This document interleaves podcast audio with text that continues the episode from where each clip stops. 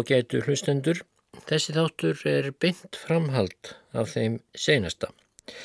Ég er að lesa úr æfisögu Reynalds Kristjánssonar sem kom út árið 1932. Bókin heitir Á sjó og landi og er skráð af Ingivaldi Nikolásinni. Og þar var komið sögunni að Reynald var komin um tvítugt Hann var byrjaður á sjónum en var jafnframt vinnumadur á efri húsum í önundarfyrði hjá Bjarnar Kristjánsinni. En þar líka honum ekki vel.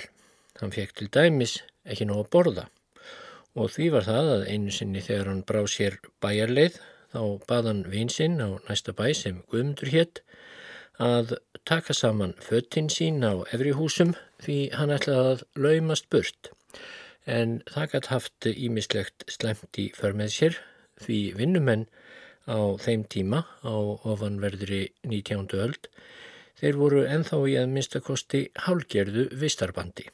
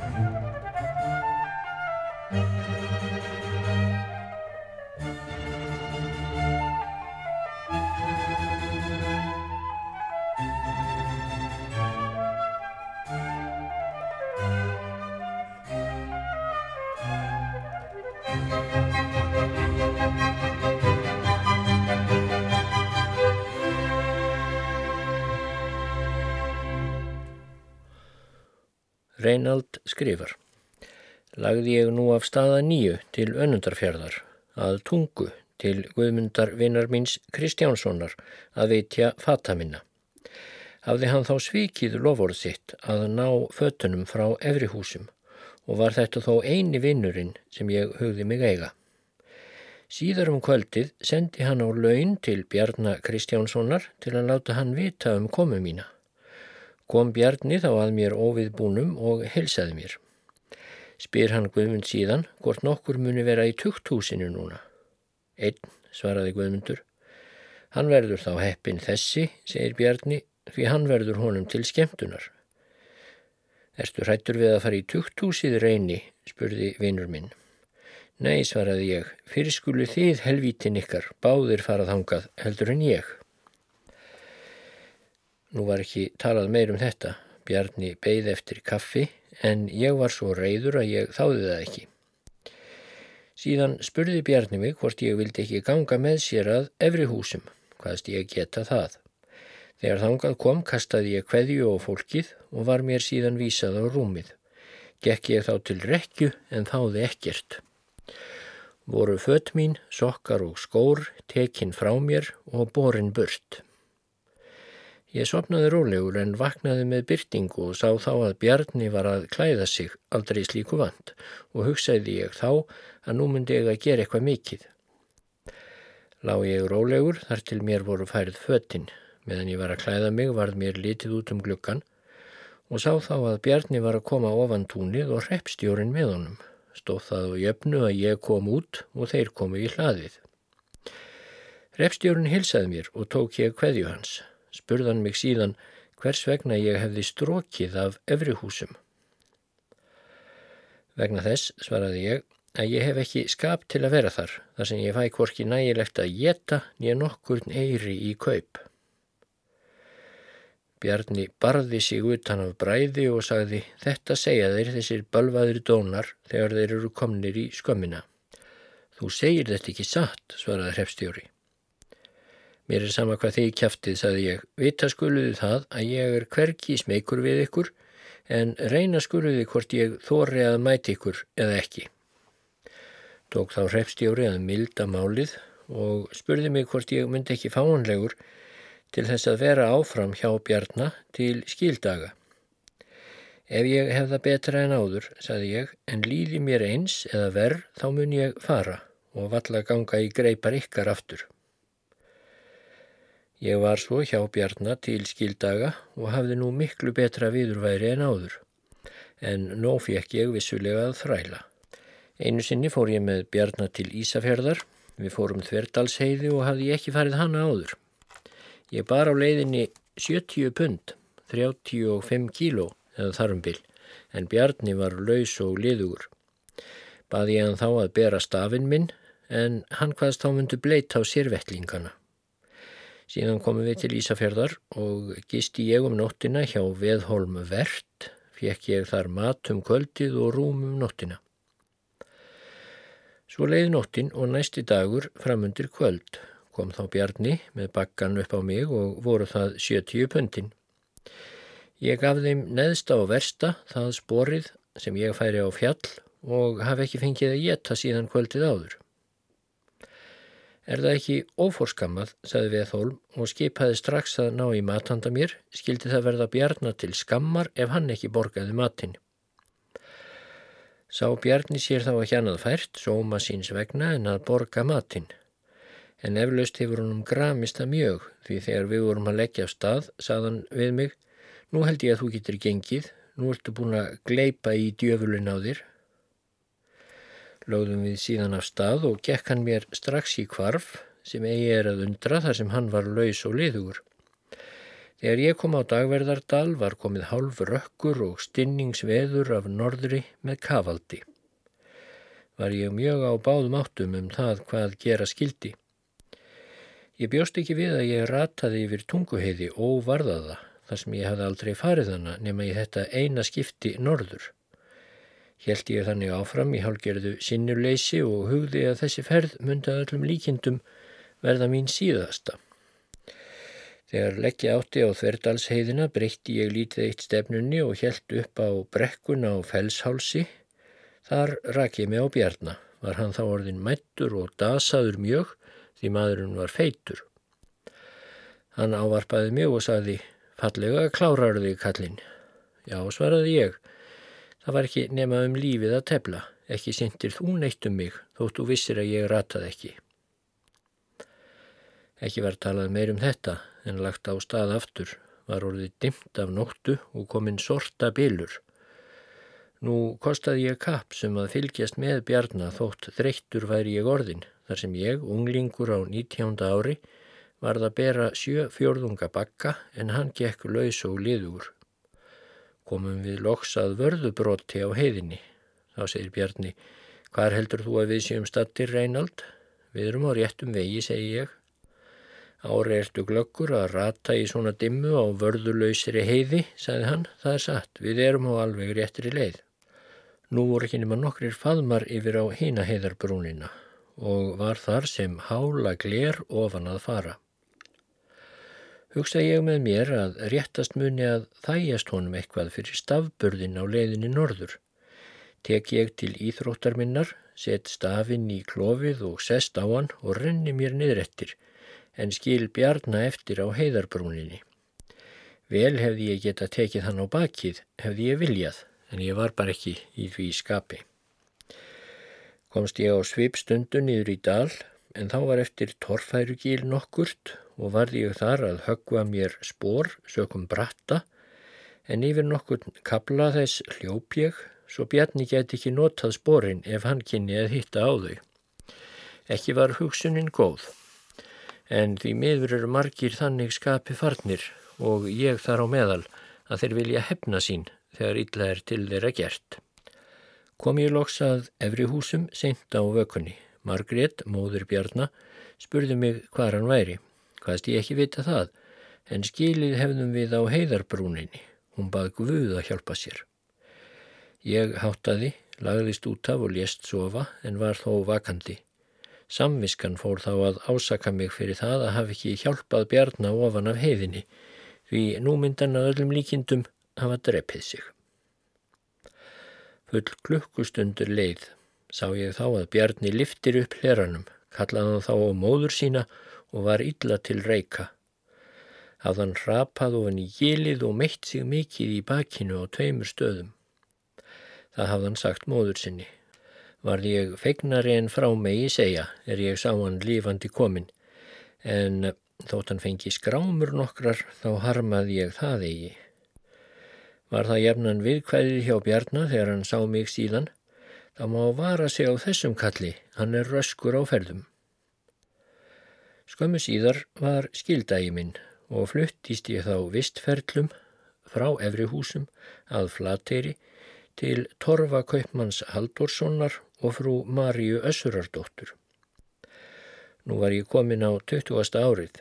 Ég fór til sjós á hákarlaveiðar og skipinu Hildu Maríu með kjartanni Rosenkransinni skipstjóra og var ég kokkur á annari vökunni. Útaldið gekk vel leið svo sumarið að ekkert bar til tíðunda. Um haustið tók ég við smalamennsku úti á Sauðanessi, þóttu mér það gaman því allt var með sjó að fara. Leið nú að jólum. Dægin fyrir Þorlásmessu var mér sagt að fara norður á Ísafjörð með tvo tunnusekki af ull. Ég vildi ekki fara því ég sá að það var að skella á ófært veður en fara varð ég engað síður hvort sem ég vildi eða ekki fór ég því reyður af stað, en er ég kom á Breiðadal var komin svarta bílur og vit ófært veður, sá ég engin önnur úræði en láta fyrir berast á heiðinni um nóttina. Hjælt ég þó áfram um kvöldið til klukkan 11. Var ég þá ekki komin nema upp undir heiðina og var orðin slít uppgefin og tölverti lasin. Lagðist ég nú fyrir undir vörðu einni og hafði pókana við hlið mér. Sopnaði ég skjótt og vaknað aftur klukkan fjögur. Var þá komin sunnanátt og frostleisa. Hefði frostbílurinn haldist um nóttina, myndi ég ekki hafa vaknað framar til þessa lífs. Ég skalvallur og nötraði af köldu, en þó batnaði mér von bráðar, svo ég held af stað. Kom ég að tungu um fótaferðatíma til Helga Bónda Sölvasonar, spurðan mig hvar ég hefði gist um nóttina. Á heiðinni, svaraði ég. Þú þart á víst að fá hressingu, saði hann. Það þætti mér vendum. Fjekk ég þá kaffi, nóg að borða með því og ríflega út í það. Varði ég sem nýr maður, helt til Ísafjörðar og um hæl vestur aftur, samdægurs og kom um kvöldið heim til mín að flateyri. Tóku þá húsbændur mínir á móti mér sem foreldrar væru en ávituðu mig þó fyrir það hver ósvífin ég hefði verið að leggja á heiðina í slíku veðri. Ég svaraði að meiri ósvífni hefði það verið að reka mig af stað. Var svo ekki meira rætt um þetta og hafði ég nú hinn skemmtilegustu jól. Veturinn leið svo tíðinda lítið fram að útsetningu. Ég fór þá aftur á hákarlaveiðar á sama skipi og áður með sama skipstjóra. Skipsöfnin var hinn sama og áður, nema stýrimaður var nú Kristján Móstal. Hann var ofláti mikill en lítilmenni, var hann æði ónótakjarn og ekki síst í minn garð. Ég var á vöku hans og hlutum við því að hafa meira og minna saman að sælda. Endrum og sinnum þá um sömarið komumst við í hann krappan við Ísröndina. Man ég sérstaklega eftir því einu sinni þegar Kristján hafði sylt inn í ísin annað hvort af skömmum sínum eða einhverjum mikilmennsku gorgir. Þeir sem niðri voru vöknuðu við vondan draum er þeir köstuðust fram á rekkjustokkana og brotljóð hyrðist í hverju tré. Hlöpumenn þá fáklættir upp úr rekkjum sínum og var þá ófagurt um að litast á þiljum uppi. Skipið var að miklu leiti uppi á ísnum en með kjölin á milli jakana. Stóð við lengi frívakt við að reyna að stjaka frá jökunum og koma skipinu út úr ísnum. Tókstaðum síður eftir langa mæðu og mikið erfiði.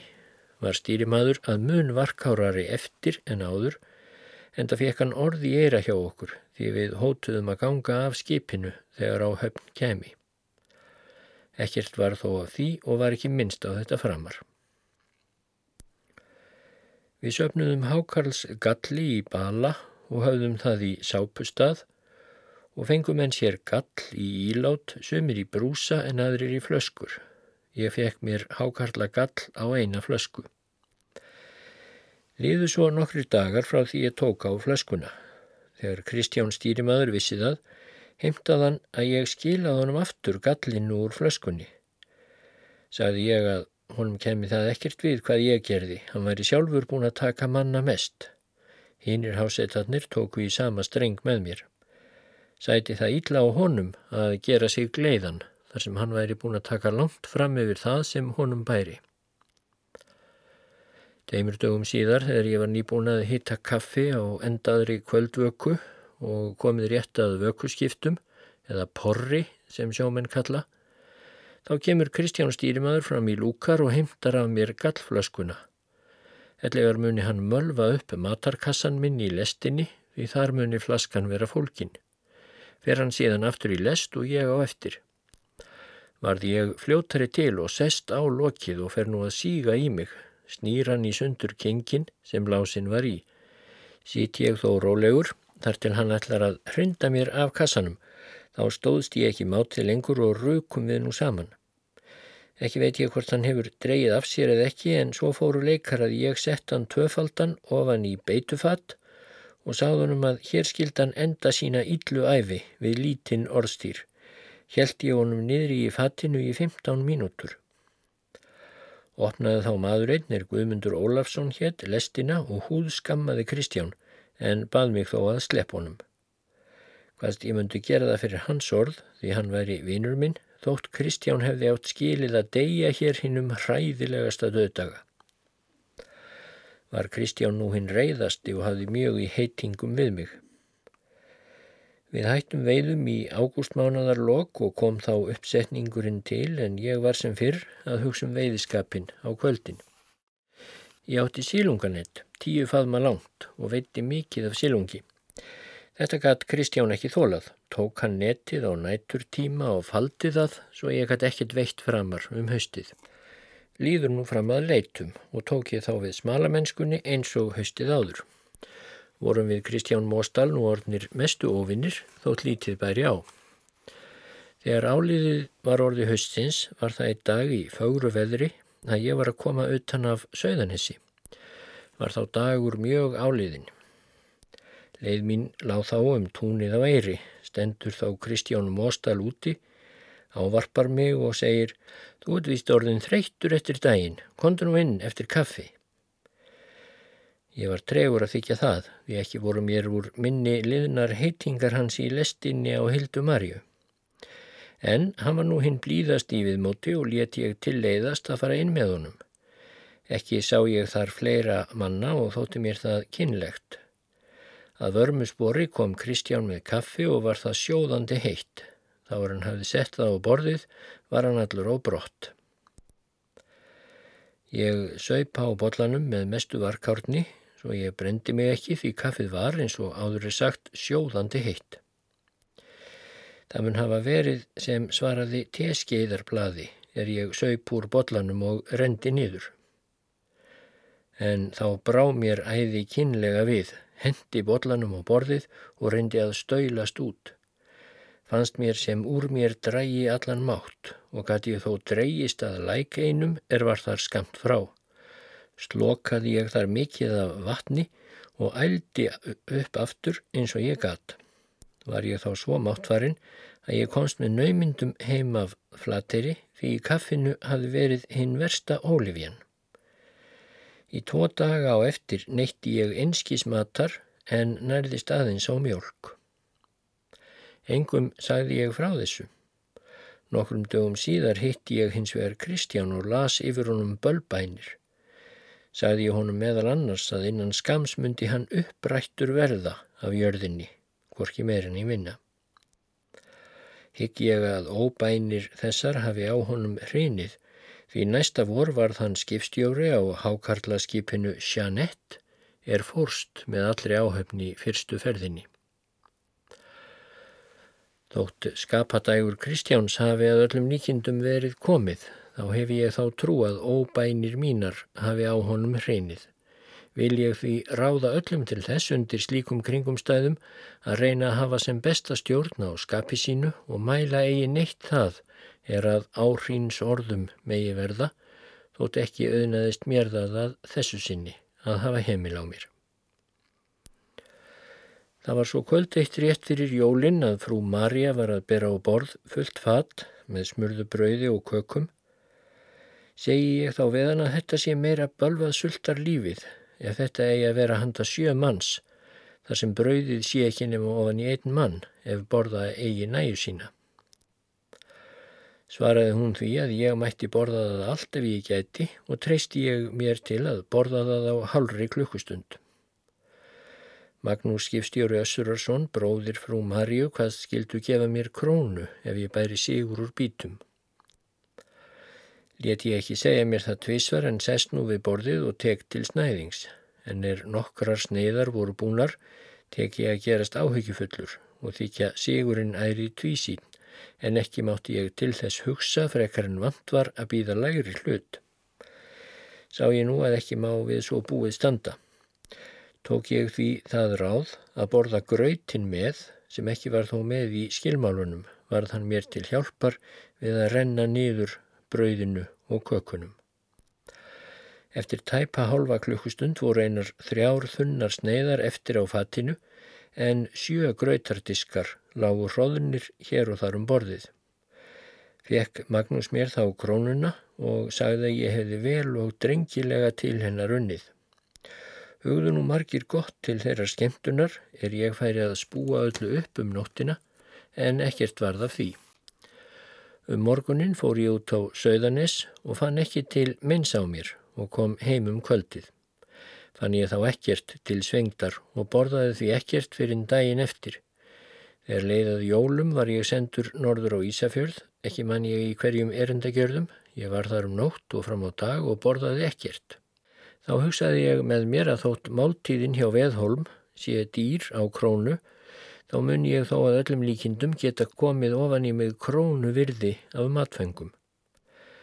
Lagði ég svo af stað til veitingahúsins og baðum mat. Var hann strax látin í tje og mér bóði til stofu.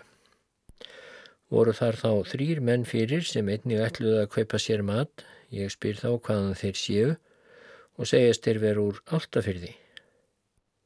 Þórið þið að þreita kappátt við mig, spurði ég. Ekki munum við rennað óreindu fyrir þér, svöruðu þeir, eða viltu bjóða veðslátt? Nei, svaraði ég, því þótt ég hafi áður sigrað í þessari íþrótt, getur einn komið öðrum meira. Lýst mér þreklega á ykkur og segir mér svo hugur að ekki verði mér þess auðið að bera af ykkur. Kom nú matur á borðið, bæði mikill og góður. Var hér fyrsta áhlaup okkar svo hart að borðið var hróðið í einum sveip. Var nú borðið á borð aftur og það fór á sömu leið.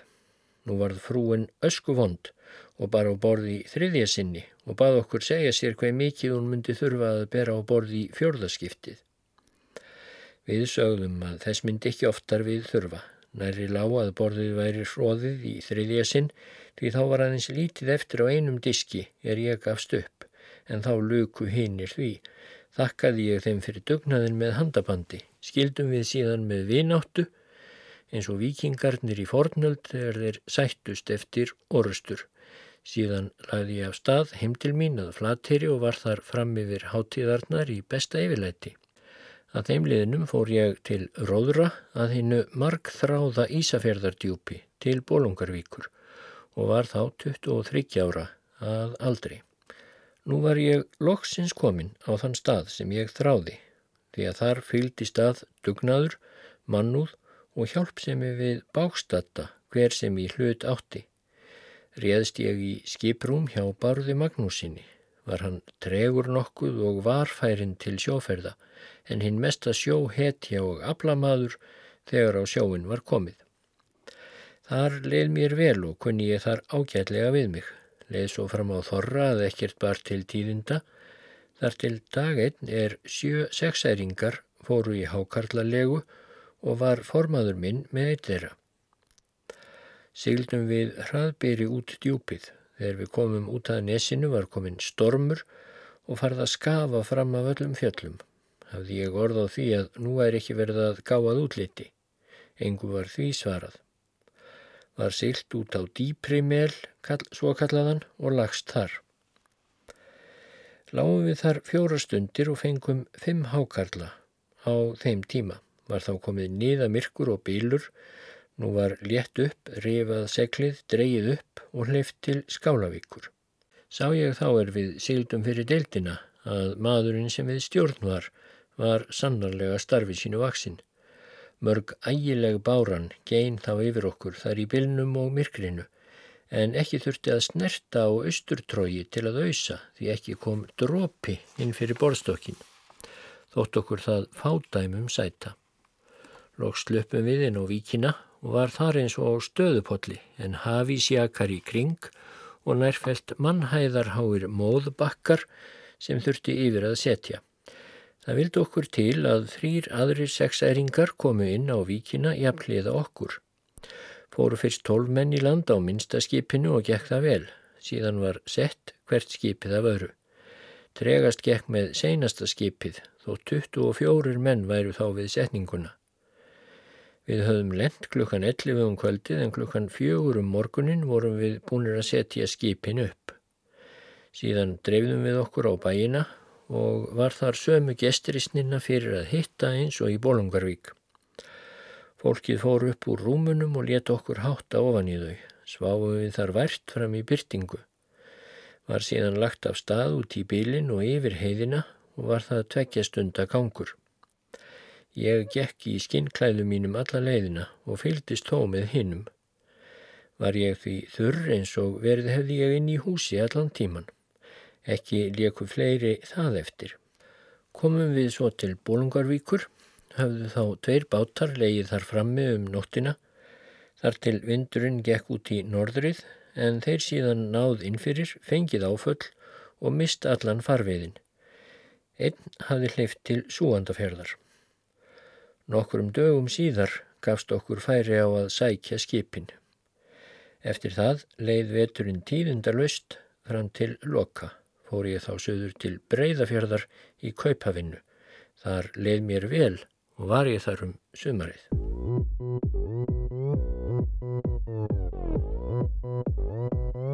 Opan Gangnam Style Gangnam Style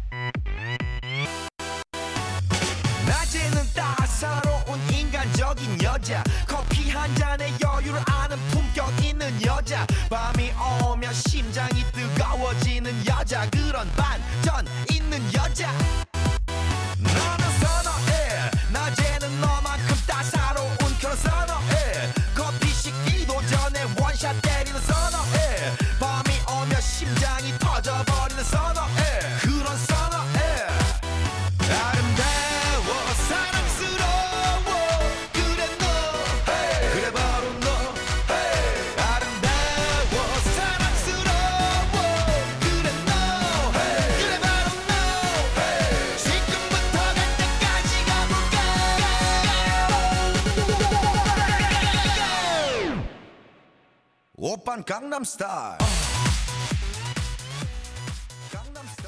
Um haustið kom ég aftur til Bólungarvíkur og réðst í skiprúm hjá Kristjáni Haldórsinni. Hann hafði nýtt skip er hétti í höfuðuð á honum sjálfum. Það var stærsta skipið í víkinni og bar 4,3 tonn. Spáðu margir ílla fyrir okkur að skipið bæri okkur ofurliði stærðarvegna letum við þá Haldur, föður Kristjáns, spá fyrir okkur. Hann var skinsamur kall og framsýn. Mjög kemur mér á óvart, saði hann, ef Kristján sonur minn drepur sig í vetur, en fá munið þið ykkur full reynda og oft munið þið komast í enn krappan. Varðan sansbár um það, byrjaði nú veturinn og var sem öllum væri uppsigað við að reyna sig við okkur. Sáu þeir að skipið var stórt og þóttust því hafa okkur í hendi sér en það fóru á aðra leið því við fórum öllum á kvarf. Morgun einn um miðsvetrarleitið í fögru veðri tók formaður minn upp á því að snúa sjóferðinni í hákarlalegu. Var nú róið á stað í blíðalogni ofan á mela og lagst þar. Hínir bátarnir fóru allir með lóðir og miklu stittra því fiskafli hafði verið góður þar sem liðið hafði af vetrinum. Eftir stuttastund vorum við búinir að fá fjóra hákalla. Leggur þá á vindkviðu út af djúpinu og var hún fast að roki. Segir þá formaðurinn við okkur, ef þið eruð á sömu skoðun og ég, þá mun nú réttast að létta og halda til lands. Flestir voru á því, en tveir voru þó á móti bróðir formansins og annar maður til. Hvaðu þeir öllum mundu óhætt enþá, sagði formaður að sérstæði á sama. Láum við nú enn í klukkustund og höfðum þá fengið ellifu hákalla. Saðist formaður þá létta hvað sem hver segði, er nú létt upp og dreyið upp framsegl og fokka en hvort vekja rifað. Séu þið á sömu skoðun og ég, saði formaðurinn, þá skulum við hleypa strax á meðan við náum landi, því ekki mun setna vætna. Við fylgdum honum að máli þeir sömu og fyrr, en hinnir tveir voru á móti sem fyrr. Þá skuli þið fá ykkur full reynda áður en ég hleypi, svaraði formaðurinn. Við náðum undir bringur á stígarlýð og tókum þá að berjast móti vindinum en lítið gekk. Leði svo framundir rökkur og voru við þá komnir inn undir svo nefndan miðleitis stein sem er á djúpri róðrar leið. Var þá hætt að ganga um nokkuð þumlung en brot gengu yfir bátinn á bæði borð. Tókum við bátsmennir okkur þá saman, hendum árunum upp úr keipum og kostuðum út grunnfærum. Nú varði skipið sig ekki en lágundir áföllum, hvað eftir annað. Kallar þá formaður til okkar að við skulum seila út hákarlinn, því hér leikjum við í nótt, sagðan. Nei, sögðum við, við getum eins gengið strax fyrir borð því sama er okkur hvort við fórum stundinni fyrr eða síðar. Var það úr og léttum við og fórum út á kvassaleitisbót og lágum þar um nóttina. Leið okkur furðu vel, þóttu rokið og myrkrið væru svo mikið að valla sæjum við hver annan í skipinu. Um byrtinguna hljóp vindurinn í vestrið og var þá létt og tekinn skorpan til lands. Þegar við komum í Bólungarvík var ekki lendandi út á mölunum og örðum við að fara inn á malir til að geta lend. Þegar við vorum lendir var okkur sagt að sex skip vantaði, auk tveggja sem farist hefðu á hlýðinni en forminnir komist af. Skömmu síðar komu skipin sem vönduðu og var þá mikið umfagnuð. Leið nú þorri og var fremur drekt um fisk og sjaldan farið á sjó Það var daginn á gói er loft var drungað og stilt og gott veður að formaður minn fór á sjó og tvennir aðrir en hinnir hrefðu sig ekki. Var róið í lokni út að nesi og lagt þar en hinnir voru setni og fóru nokkru utar. En er við vorum búin að leggja sáum við undir vindband fyrir norðan okkur. Fórum við þá í skinnstakka okkar í snatri en á sama augnabliki rauk á norðan áhlaup. Við höfðum lagt 20 lóðir og þautum nú í að draga ef vera kynni að við næðum upp einhverju af þeim. Komum við lóðinni aldrei á hjól, fimm undan veðrinu, heldum við þó áfram að draga þar til eftir voru fimm lóðir, var þá skorið á þótt mikill fiskur væri eftir á lóðinni. Tví rifað segl var sett upp og ein rifið fokka, en er við höfðum silt um stund kallaði formaðurinn til okkar að rýfa niður seglið því það sé brotskapl á leiðinni en ekki sé fært að hleypa undan honum. Við rýfum segliði niður í snatri og sprakk báran rétt fyrir framann nývilin en svo var hún há að löðriði gekk aftur af skipinu og fylti það undir þóftur. Við lögðum þá tveir út árar og freystuðum að halda í horfi en fjórir tóku til austurs. Slétt var eftir brotið og tókst okkur að auðsa skipið, settum við seglið upp aftur, sáum við skjótt að við myndum ekki ná víkinni. Spurðum við þá formannin hvort hann treysti sér að hleypa fyrir deild og segir hann nei, hann reynir það ekki, verði að fara sem fara vilji. Þá er við komum undir grjótleiti, byrjaði baráttan, lengi sáum við ekki hvort okkur gengi nokkuð eða ekkert. Herti þá veðrið svo að við höfðum nóg með að halda árunum í bátnum og sáum við þá að okkur hríð rak undan vindi og vorum við þá næri komnir upp í landbrót. Spyr þá formaður hvort nokkur geti úr bætt en allir hvaðu neyfi því. Til allarar hamingju þá slótaði veðrunu svo mikið í sama byli að við gáttum sagað inn fyrir leitið. Dók okkur þá að lifna vonum það að við myndum máski bjargast af.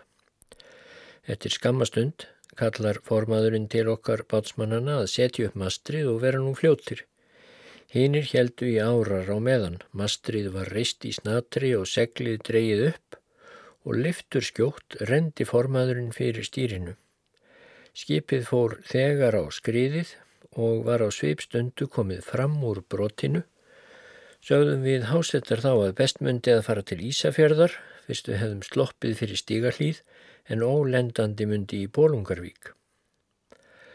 Það er ómúlegt, svaraði formaður. Til þess erum við of grund. Við verðum að reyna að taka víkina hvernig sem fer.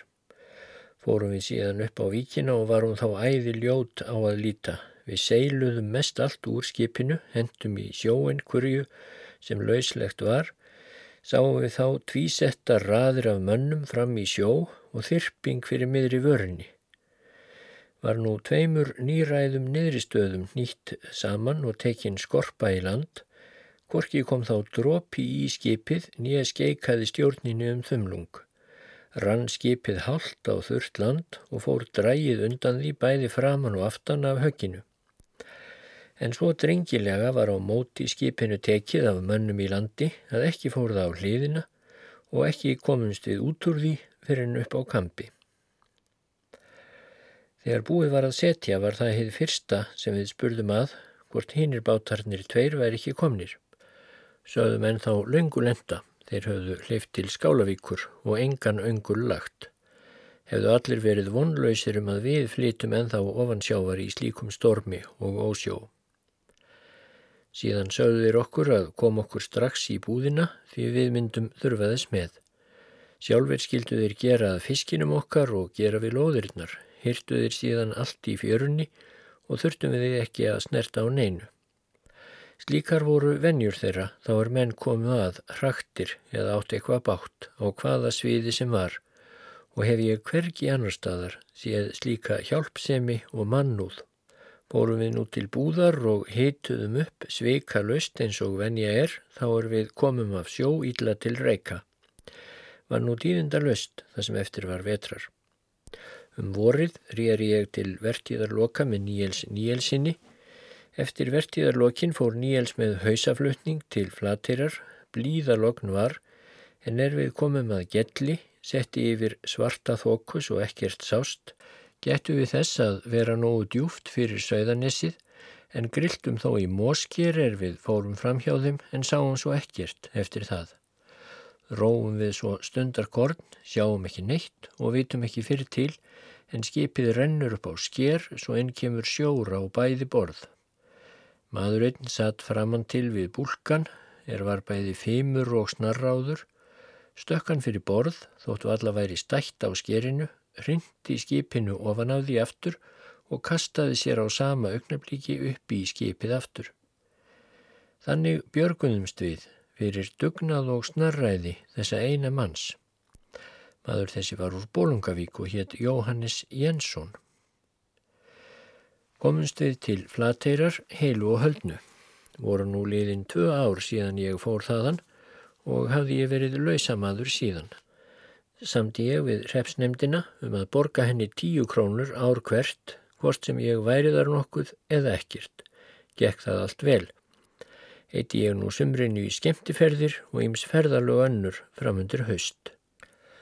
Um haustið fór ég svo til Bólungarvíkur og réðst til háttíða í skiprúm hjá Guðmundir Hepstjóra Magnúsinni frá Tröð, byrjuðum við róðra og fiskuðum þólanlega. Eftir hálsmánadar tíma þá frétti ég að formaður minn væri búin að kæra mig fyrir ólöglega lausamennsku og ætti ég að mæta daginn eftir. Nú kallar hann okkur til að beita en þegar við erum byrjaðir þá spyr ég hann hvort þetta sé satt að hann sé búin að kæra mig og játar hann því.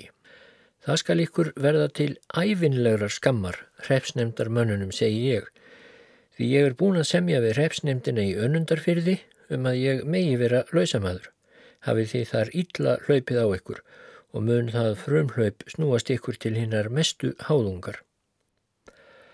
Hann svaraði fáu. Þegar farið var að búa sig á sjóin daginn eftir, sagði ég við formannin, nú á ég gott að þurfa ekki að róa, því nú á ég að mæta í dag hvað ég lakka til. Segir hann mér þá að ég þurfi ekki að mæta fyrir hrefsnemdina því hann ætlið að mæta fyrir mína hönd. Hló ég þá dátt því nú vissi ég að hann sæi sér ekki annað fært en aftur kalla kæruna. Fórum við á sjóin og fiskuðum vel. Formaðurinn, Guðmundur Hrefstjóri, fekk mann í staðsinn til að róa með okkur en sjálfur var þann eftir í landi til að mæta. Síslumadur var þá skúli Tórótsin var hann góðkunningi minn og orðurlagður sem yfirvald fyrir réttvísi sína og mannúð. Var ég því hvergi smeykur, enda mun hann hafa brosað dátt þá er Guðmundur afturkallaði kæruna. Nú var allt tíðinda löst, framundir jólaföstu, rérum við þá einn dag sem oftar og fórum út á Bakkadal, voru þá þar einnig fyrir nýfstælingar, ekki mann ég hvort fleiri réru úr víkinni. Hvessir nú vestan, Við fórum þá að draga en fjórir fóru strax í andof, þannig tósuðum við fimm lóðum upp. Sáum við þá að uppkomu segl hjá öllum nýfstælingum í einu, heldu þeir svo til lands því sundur höfðu gengið lóðir þeirra. Eftir það náðum við einni lóð uns í sundur frökk. Ég var þá aftur skipsmaður og hafði ærin starfa við að auðsa. Sá ég þá að rók kviða var á leið til okkar og spyrja þá formannin hvort hann ætli ekki að láta lækka seglið undir kviðuna. Kallar hann þá að lækka seglið en hásettar hlýtt ekki og letu seglið standa sem fyrr. Kviðan kemur og leggur undir alla hlið skipsins en á sama augnabliki fór seglið út í sjó en ráin var eftir á toppi. Var sem brugðið hefði verið nýfi á öll ráböndin og það varð okkur til lífs. Skipið rétti sig við aftur en hálf fullt af sjó. Formaður húð skammaði hásettana. Ég tók í sama streng og var stórorður eins og vant var, þá er mér rann í skap. Sagði ég að sá vondi myndi ég eftir að bleita á þeim sem ég ákvaði hausana ef þeir hefði ekki meiri aðtuga en þeir hefðu haft nú. Var síðan þurrausið og komið upp seglunum, heldum við síðan til lands og lendum heilu á höldnu. Þeim dögum síðar gaf okkur að vitja lóðana, fundu við þær að mestu og einnig sex lóðir frá öðrum bát. Nóttina eftir dreymir mig að við værum á sjó í víkinni og þótti mér þá allir farast nema ég. Ég komst einhvern veginn einn í land og vaknaði ég við það. Engum saði ég draumin og fekk hann mér nokkurar áhyggju. Kvöld eitt á jólaföstunni fórum við tvennir á sjó, formaður minn og Ólafur nokkur Þorðarsson. Róið var út á öskubak og lagt og dreyið þar. En er eftir var eitt tengslið, gekk lóðin í sundur, leituðu við þá að bóli en fundum ekki. Vörðum við að býða dögunar. En þegar byrti ef degi fundum við bólið og heldum áfram að draga en sáum að ófært veður var í aðsíi. Þegar við vorum að enda við dráttin kom upp segl hjá Ólafi Þórðarsinni og sáum við strax að hann hleypir af stað. Segji ég þá við Guðmund Forman, nú skulum við gera hitt sama og hleypa strax.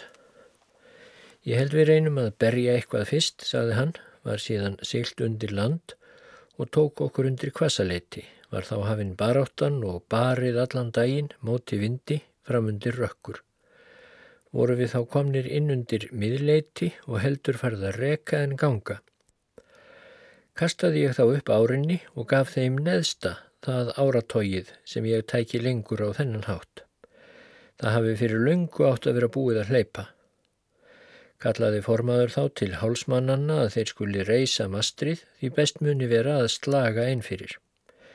Ég spurði hann hvort hann væri vittlaus að halda að hægt væri að slaga skipinu hlöðnu í rókveðri þegar myrkrið væri að detta á. Tveir hásettana, Davíð Steinsson og Helgi Sigursson, áttu að bregðast við þessu en þeir voru styrðir og kom ekki upp masterinu. Fjekk ég þá röskasta mannin á skipinu með mér og afsögðum við að snerta á að hjálpa til við að koma upp masterinu fórum við þá að húð rýfast, formaðurinn og ég. Saði honum að hann myndi eiga eftir að drepa sig og menn sína á vetrinum og væri óvíst hvort ég slippi. Fáist ég þá til að setja upp afturmastrið og hleypa undan, spurðan. Já, saði ég, það er vit og hefði átt að vera gert fyrir löngu. Var síðan sett upp og sylt sem þóldi til þess að við hefðum skímu og súhandafjörð. Tókst það að lokum og börðum við loks inn á söðureyrarmalir vorum við þá búinir að vera alls lausir á sjó í fullan sólaring. Á söðureyri vorum við um nóttina, daginn eftir lögðum við af stað í útsýningskavaldi og nokkuð kvössu. Við börðum fyrst út að galtartöngum, settum þar upp segl og þurftum ekki að reyfa skauti allarleið til bólungarvíkur sagði þá Guðmundur formaður og þetta væri hinn ánægulegasta hleypingsferð sem hann hefði farið að þurfa ekki að reyfa skauti fyrir henni lendingu. Þessi er líka þín síðasta hleyping, svaraði ég. Eftir hátíðarnar var ráðning mín úti og ég laus úr skiprúminu. Félagi minn sem ráðin hafði verið jafn lengi mér og búin var að binda við mig fastmælum um að fara jamt og ég af skipinu hafði látið tilleiðast að vera kyrr framvegis. Hann hétt Guðmundur Magnússon og var frá Skálavík. En Guðmundur Þorláksson frá sama bæ kom í minn stað á skipið. Ég var í sömu búðu áður en var nú skiprúms laus. Svo kynlega brá við að eftir að ég var farin af skipinu þá hlóð Guðmundur daglega hvar sem hann lagði þótt aðrir fiskuðu lítið sem lagðu á sömu slóðum. Liðu nú þrjár vikur, tvís var vandaði Guðmund mann eftir að ég fór frá honum vildi ég þó í korugt skiptið með honum fara þótt hann bæði mig þess og ég mætti eiga víst von á að hann rót fiskaði. Það bar til einn morgun að Guðmundur Magnússon kom ofan úr tröð eftir að allir aðrir voru rónir. Félagi minn sem verið hafði ávarpaði mig þá og sagði nú ætla ég að byggja þig reyni að taka í skankan á mér fyrir kvöldið. Það verður ekki á mínu færi, svaraði ég fóru þeir nú af stað í hinsta sinni. Þeir höfðu farið út fyrir alla sem á undan voru rónir, lagt og farið síðan vestur fyrir og dreyið sig frá landi. Þegar á daginn kom voru margir að koma í land en sömur voru lendir, fimm skip voru ókomin þegar skalla á haf vestan áhlaup með svarta kafaldi. Töldum við þá lítil líkindi til þess að nokkur þeirra kæmist lífsaf sem þá voru á sjóúti en þó náðu allir landi um síðir nema Guðmundur Magnússon og skipsöfn hans.